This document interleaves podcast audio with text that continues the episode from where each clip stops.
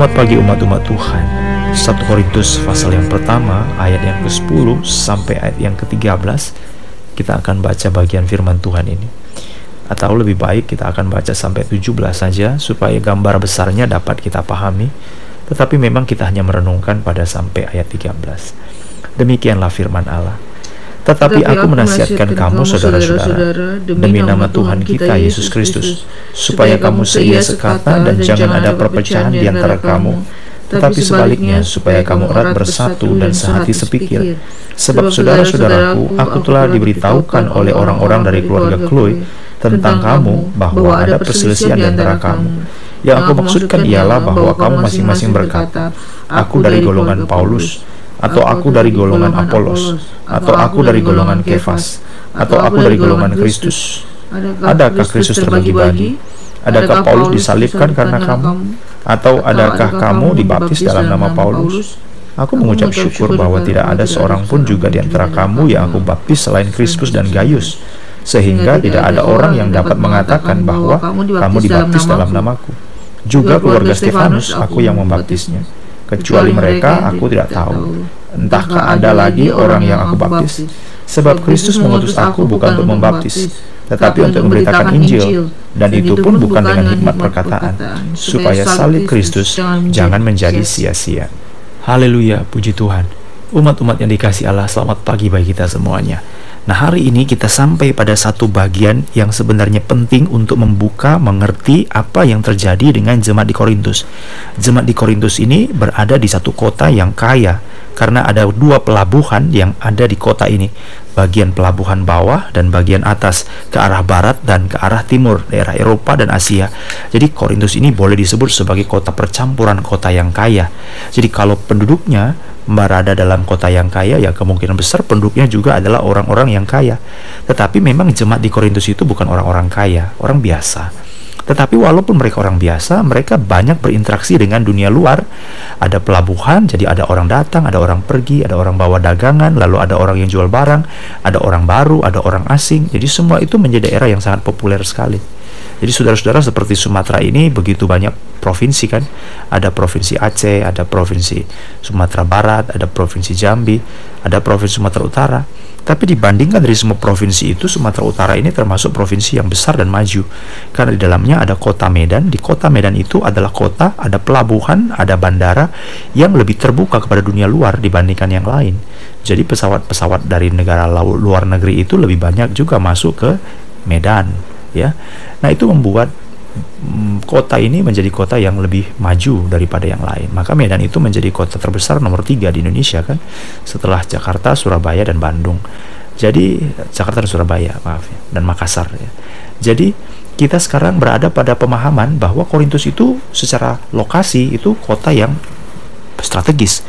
Penduduknya juga adalah kota yang sangat majemuk dan kaya.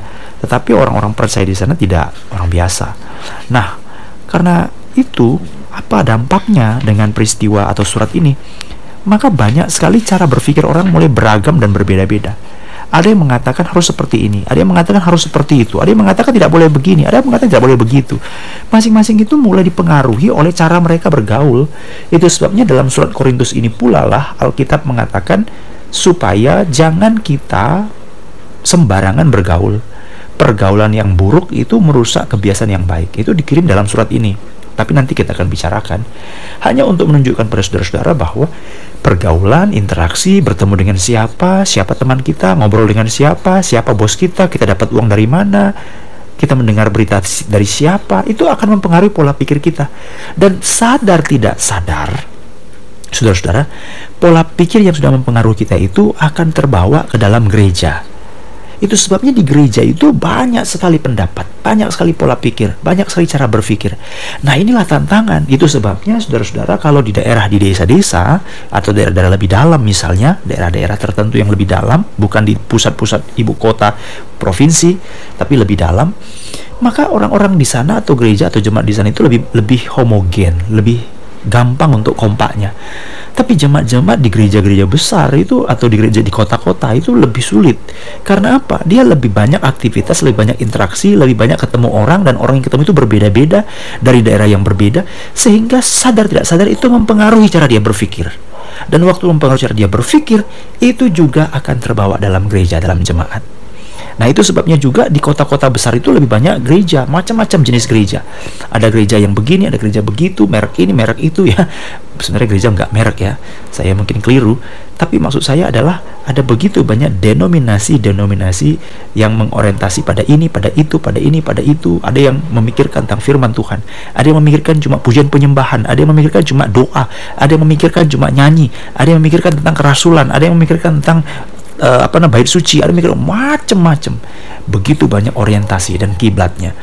Tetapi maksud kita di sini adalah ini semuanya adalah satu potret, satu gambaran bahwa semakin besar, semakin penting atau semakin terbuka satu kota itu akan mempengaruhi orang-orang yang di dalamnya. Dan orang-orang yang dalam yang dipengaruhi oleh terbukanya kota itu akan mempengaruhi pola pikir yang akan ada dalam gereja. Nah itulah sebabnya jemaat Korintus ini menjadi jemaat yang terkotak-kotak, menjadi jemaat yang berbeda-beda, terbagi-bagi, sehingga mereka itu sadar harusnya, tetapi terbawa dalam jemaat. Maka Paulus mengatakan dalam ayat yang ke-10, Aku menasihatkan kamu supaya kamu sehati sepikir, supaya kamu dalam nama Tuhan kita Yesus Kristus seia sekata. Jangan ada perpecahan di antara kamu. Ayat yang ke-11.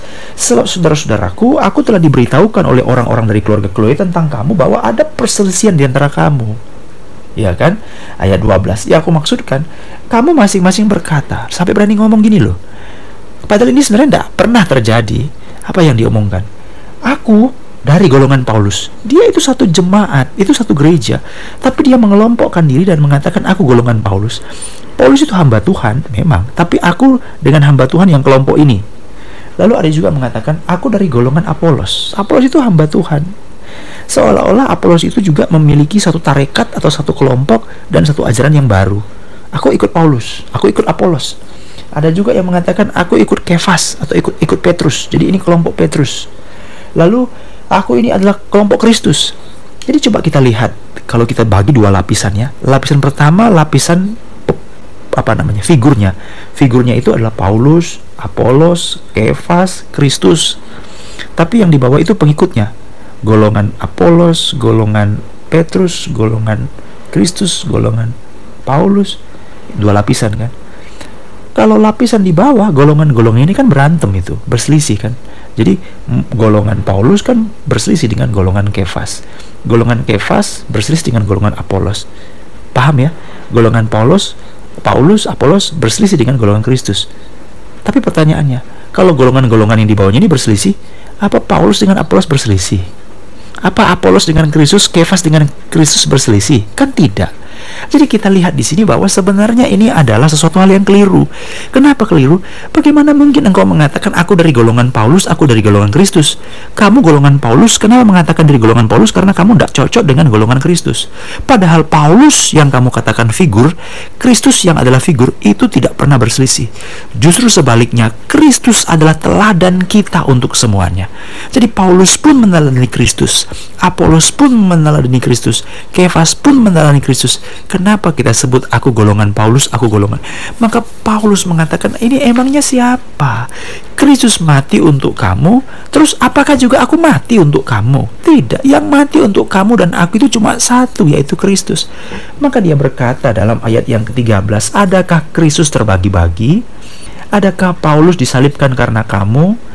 Ataukah adakah kamu dibaptis dalam nama Paulus? Ya kamu dibaptis dalam nama Kristus. Sama. Yang mati disalib bukan Paulus. Yang mati disalib itu adalah Kristus. Kristus mati disalib untuk Paulus. Kristus juga mati disalib untuk kamu. Jadi kenapa kamu di sini ya kita lihat ya. Kamu seolah-olah membuat Kristus itu berselisih dengan pengikut-pengikutnya.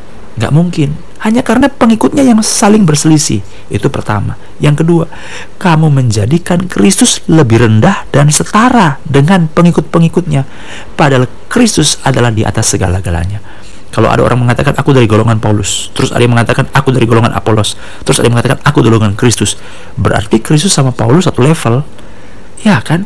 Jadi kita bisa lihat di sini kesalahan ini akan bertambah-tambah. Jadi saudara-saudara, saudara perlu ingat kalimat ini satu pemahaman yang keliru tentang firman Tuhan akan membuka kekeliruan yang lain. Jadi itu adalah efek. Jadi kalau saudara misalnya makan cabai, maka apa yang terjadi? Efeknya adalah pedas. Tapi ada yang saudara gigit, ada yang saudara kunyah. Tapi persoalannya bukan hanya berhenti pada benda yang saudara gigit dan yang saudara yang kunyah itu. Ada efeknya. Apa itu? Pedas. Setelah pedas, ada efek lagi. Ada. Mungkin efeknya nanti mata bisa berair. Lidah bisa merah. Bibir itu bisa nanti doer. Kenapa? Pedas. Jadi efek itu dari satu benda yang digigit akan muncul efek yang lain. Dari efek yang lain akan muncul efek yang lain lagi. Apa harus cabai yang digigit? Gak ada yang gigit yang lain, ya nasi kayak atau apa yang rasanya lebih tawar, lebih hambar. Nah, maksud saya di sini adalah kesalahan pada hal yang pertama akan menimbulkan kesalahan pada hal-hal yang lain. Kalau kita menganggap perselisihan itu sebagai satu hal yang terus-menerus dipertahankan dan dikembangkan dan kita menggunakan Kristus untuk itu itu kan sudah salah maka itu akan mengakibatkan kesalahan-kesalahan lain sehingga Paulus berkata Kenapa kamu menjadikan aku seolah-olah berselisih dengan Kristus? Kenapa kamu seolah-olah menjadikan Kristus dengan aku itu sebagai orang lawan tanding, saling banyak pengikut? Hanya satu Kristus lah pengikut Kristus, bukan pengikut Paulus, bukan pengikut Kefas, bukan pengikut Apolos. Jadi saudara-saudara, kita yang berselisih, tapi Kristus seolah-olah menjadi korban dari segala sesuatunya. Ini yang terjadi. Yang kedua, kita merendahkan Kristus. Karena apa? Karena kita ikut orang. Jadi itu sebabnya kita bersyukur kepada Tuhan dalam iman kita. Kita tidak mengikuti satu kelompok tertentu. Kita tidak mengagungkan manusia tertentu. Kita tidak memiliki tarekat atau syarikat atau seperti mashab-mashab golongan tertentu. Jadi tidak ada. Itu sebabnya juga saudara-saudara kita tidak perlu membesar-besarkan saya ini orang Pantekosta. Tidak perlu membesar-besarkan. Karena kita dibaptis bukan atas nama Pantekosta. Tidak. Kristus di atas segala-galanya. Jangan kita membeda-bedakan atau membesar-besarkan perbedaan kita dengan orang lain. Biarlah perbedaan kita adalah Kristus sebagai ukuran. Jika ikut teladan Kristus, biarlah itu jadi. Tapi jika berbeda dengan apa yang Kristus ajarkan, biarlah itu juga menjadi pembeda bagi kita. Jadi walaupun kita berbeda banyak denominasi, saya hampir ngomong merek ya, berbeda banyak denominasi gereja, yang kita lihat sebenarnya bukanlah pada nama gerejanya sebenarnya, tapi pada inti ajarannya. Karena banyak orang mengatakan dia gereja tertentu, tetapi inti ajarannya bukan kepada Kristus. Tetapi yang paling utama adalah Kristus di atas segala-galanya. Jadi ingat saudara-saudara, kita tidak boleh terlalu terjebak. Saya lebih suka yang seperti ini, saya lebih suka seperti itu. Saya lebih suka Pantekosta, saya lebih suka karismatik, saya lebih suka yang namanya Roh Kudus, saya lebih suka yang namanya Alkitab, Alkitabiah, saya lebih suka namanya Rasul, saya lebih suka namanya Apostolik. Waduh, itu keliru semuanya. Kekeliruan kita itu jangan dibesar-besarkan. Alangkah baiknya hal, seperti itu kita hindari. Jangan memperbesar jurang yang dibangun oleh manusia. Tetapi marilah kita kembali kepada satu prinsip yang paling utama, yaitu apa? Kristus, firman Allah di atas segala-galanya. Jadi jadikanlah firman Allah sebagai patokan saudara. Tradisi Pantekosta tidak lebih baik daripada ajaran firman Allah. Kalau yang ditradisikan Pantekosta berlawanan dengan firman Allah, tinggalkan tradisi itu. Kembalilah kepada firman Allah karena firman Allah di atas segala-galanya. Nah itu sebabnya Paulus mengatakan satu contoh saja. Misalnya dalam contoh apa? Baptisan.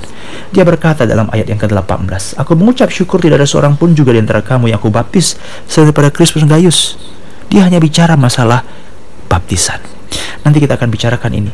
Tetapi Tuhan hendak mengatakan melalui perintah ini, lalu Rasul Paulus, dia berkata, Aku menasihatkan kamu demi nama Tuhan kita, Yesus Kristus, supaya kamu seia sekata, dan jangan ada perpecahan di antara kamu, tetapi sebaliknya, supaya kamu erat, bersatu, sehati, dan sepikir. Inilah kemauan Tuhan, saudara-saudara.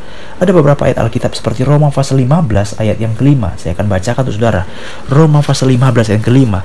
Alkitab mengatakan, biarlah Allah yang sumber dengan segala ketekunan itu memberikan kepada kamu sehati sepikir satu sama lain berdasarkan berdasarkan kehendak Allah.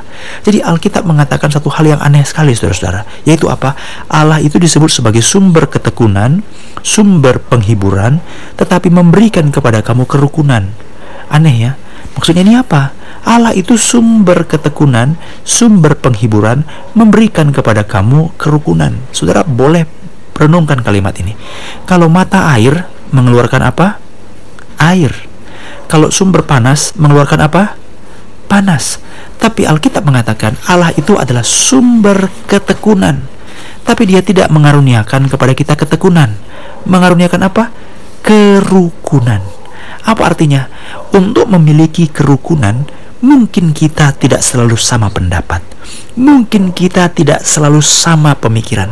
Tetapi Alkitab berkata, "Hendaklah engkau tekun dan biarlah Allah menghibur."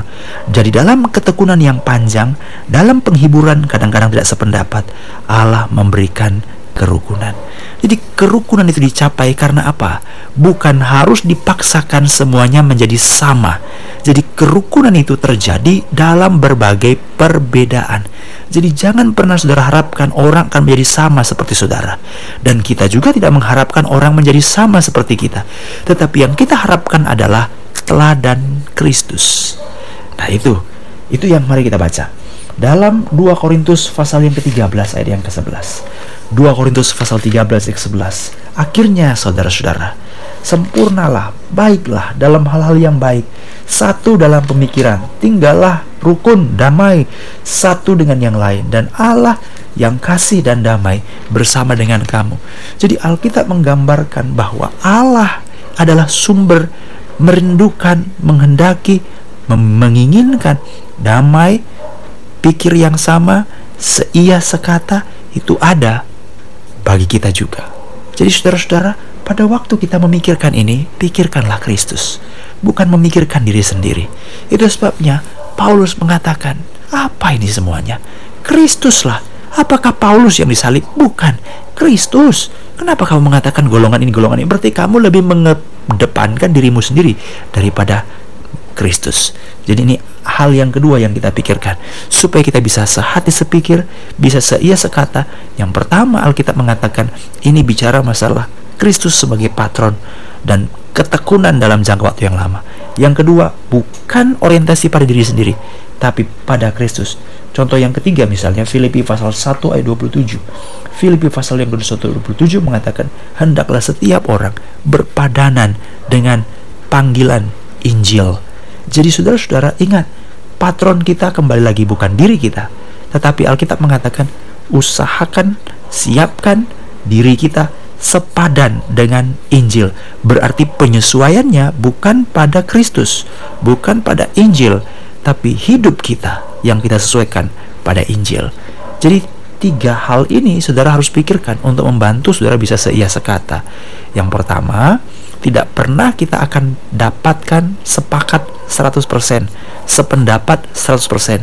Karena kerukunan bukan terjadi berdasarkan pendapat, tapi berdasarkan ketekunan dan penghiburan yang jangka waktu lama itu. Yang kedua, tidak berorientasi pada diri sendiri, tapi pada Kristus. Yang ketiga, Alkitab mengatakan, sesuaikan diri padankan diri dengan Injil. Jadi siapa yang terkoreksi? Kita yang terkoreksi. Tapi terkoreksi dengan apa? Bukan terkoreksi dengan orang lain. Saya tidak mencocok-cocokkan diri dengan orang lain supaya saya akur, tidak. Saya mencocokkan diri dengan Kristus. Itu inti. Jadi tiga hal ini biarlah menjadi renungan kita pagi hari ini supaya membawa kita untuk mengerti bagaimana supaya saya bisa seia sekata, sehati sepikir. Itu bukan bicara masalah satu. Alkitab mengatakan seia sekata, bukan satu kata. Alkitab mengatakan sehati sepikir, bukan satu hati dan satu pikir. Ini hal yang harus kita bedakan dalam beberapa penjelasan yang mungkin hari ini tidak mungkin kita bicarakan karena waktu kita sangat terbatas. Tetapi berdasarkan ayat Alkitab seperti dalam Roma pasal 15 ayat yang kedua, 2 Korintus pasal 12 ayat yang ke-11, Filipi pasal 1 27, Filipi 2 22 ayat lain misalnya 1 Petrus pasal 38 ayat-ayat ini saudara boleh dengarkan. Tetapi maksudnya adalah kita tidak akan pernah bisa berada pada satu pendapat atau pendapat yang satu atau pendapat yang sama. Tidak mungkin. Perbedaan-perbedaan itu akan selalu ada. Tetapi ada tiga tips yang kita renungkan hari ini. Yang pertama bahwa penghibur kerukunan itu datang dari ketekunan dan pekerjaan penghiburan yang terus-menerus dalam jangka waktu tertentu yang lama. Jadi ingatlah itu tekun dan dihiburkan, nanti ada kerukunan. Yang kedua, kita harus pikirkan orientasi bukan diri sendiri, tapi Kristus. Yang ketiga, sesuaikan diri dengan Injil, bukan cocokkan diri dengan orang, tapi dengan Injil. Itu akan membantu kita, menolong kita, dan Roh Kudus akan memberi kekuatan kepada kita. Mari kita berdoa.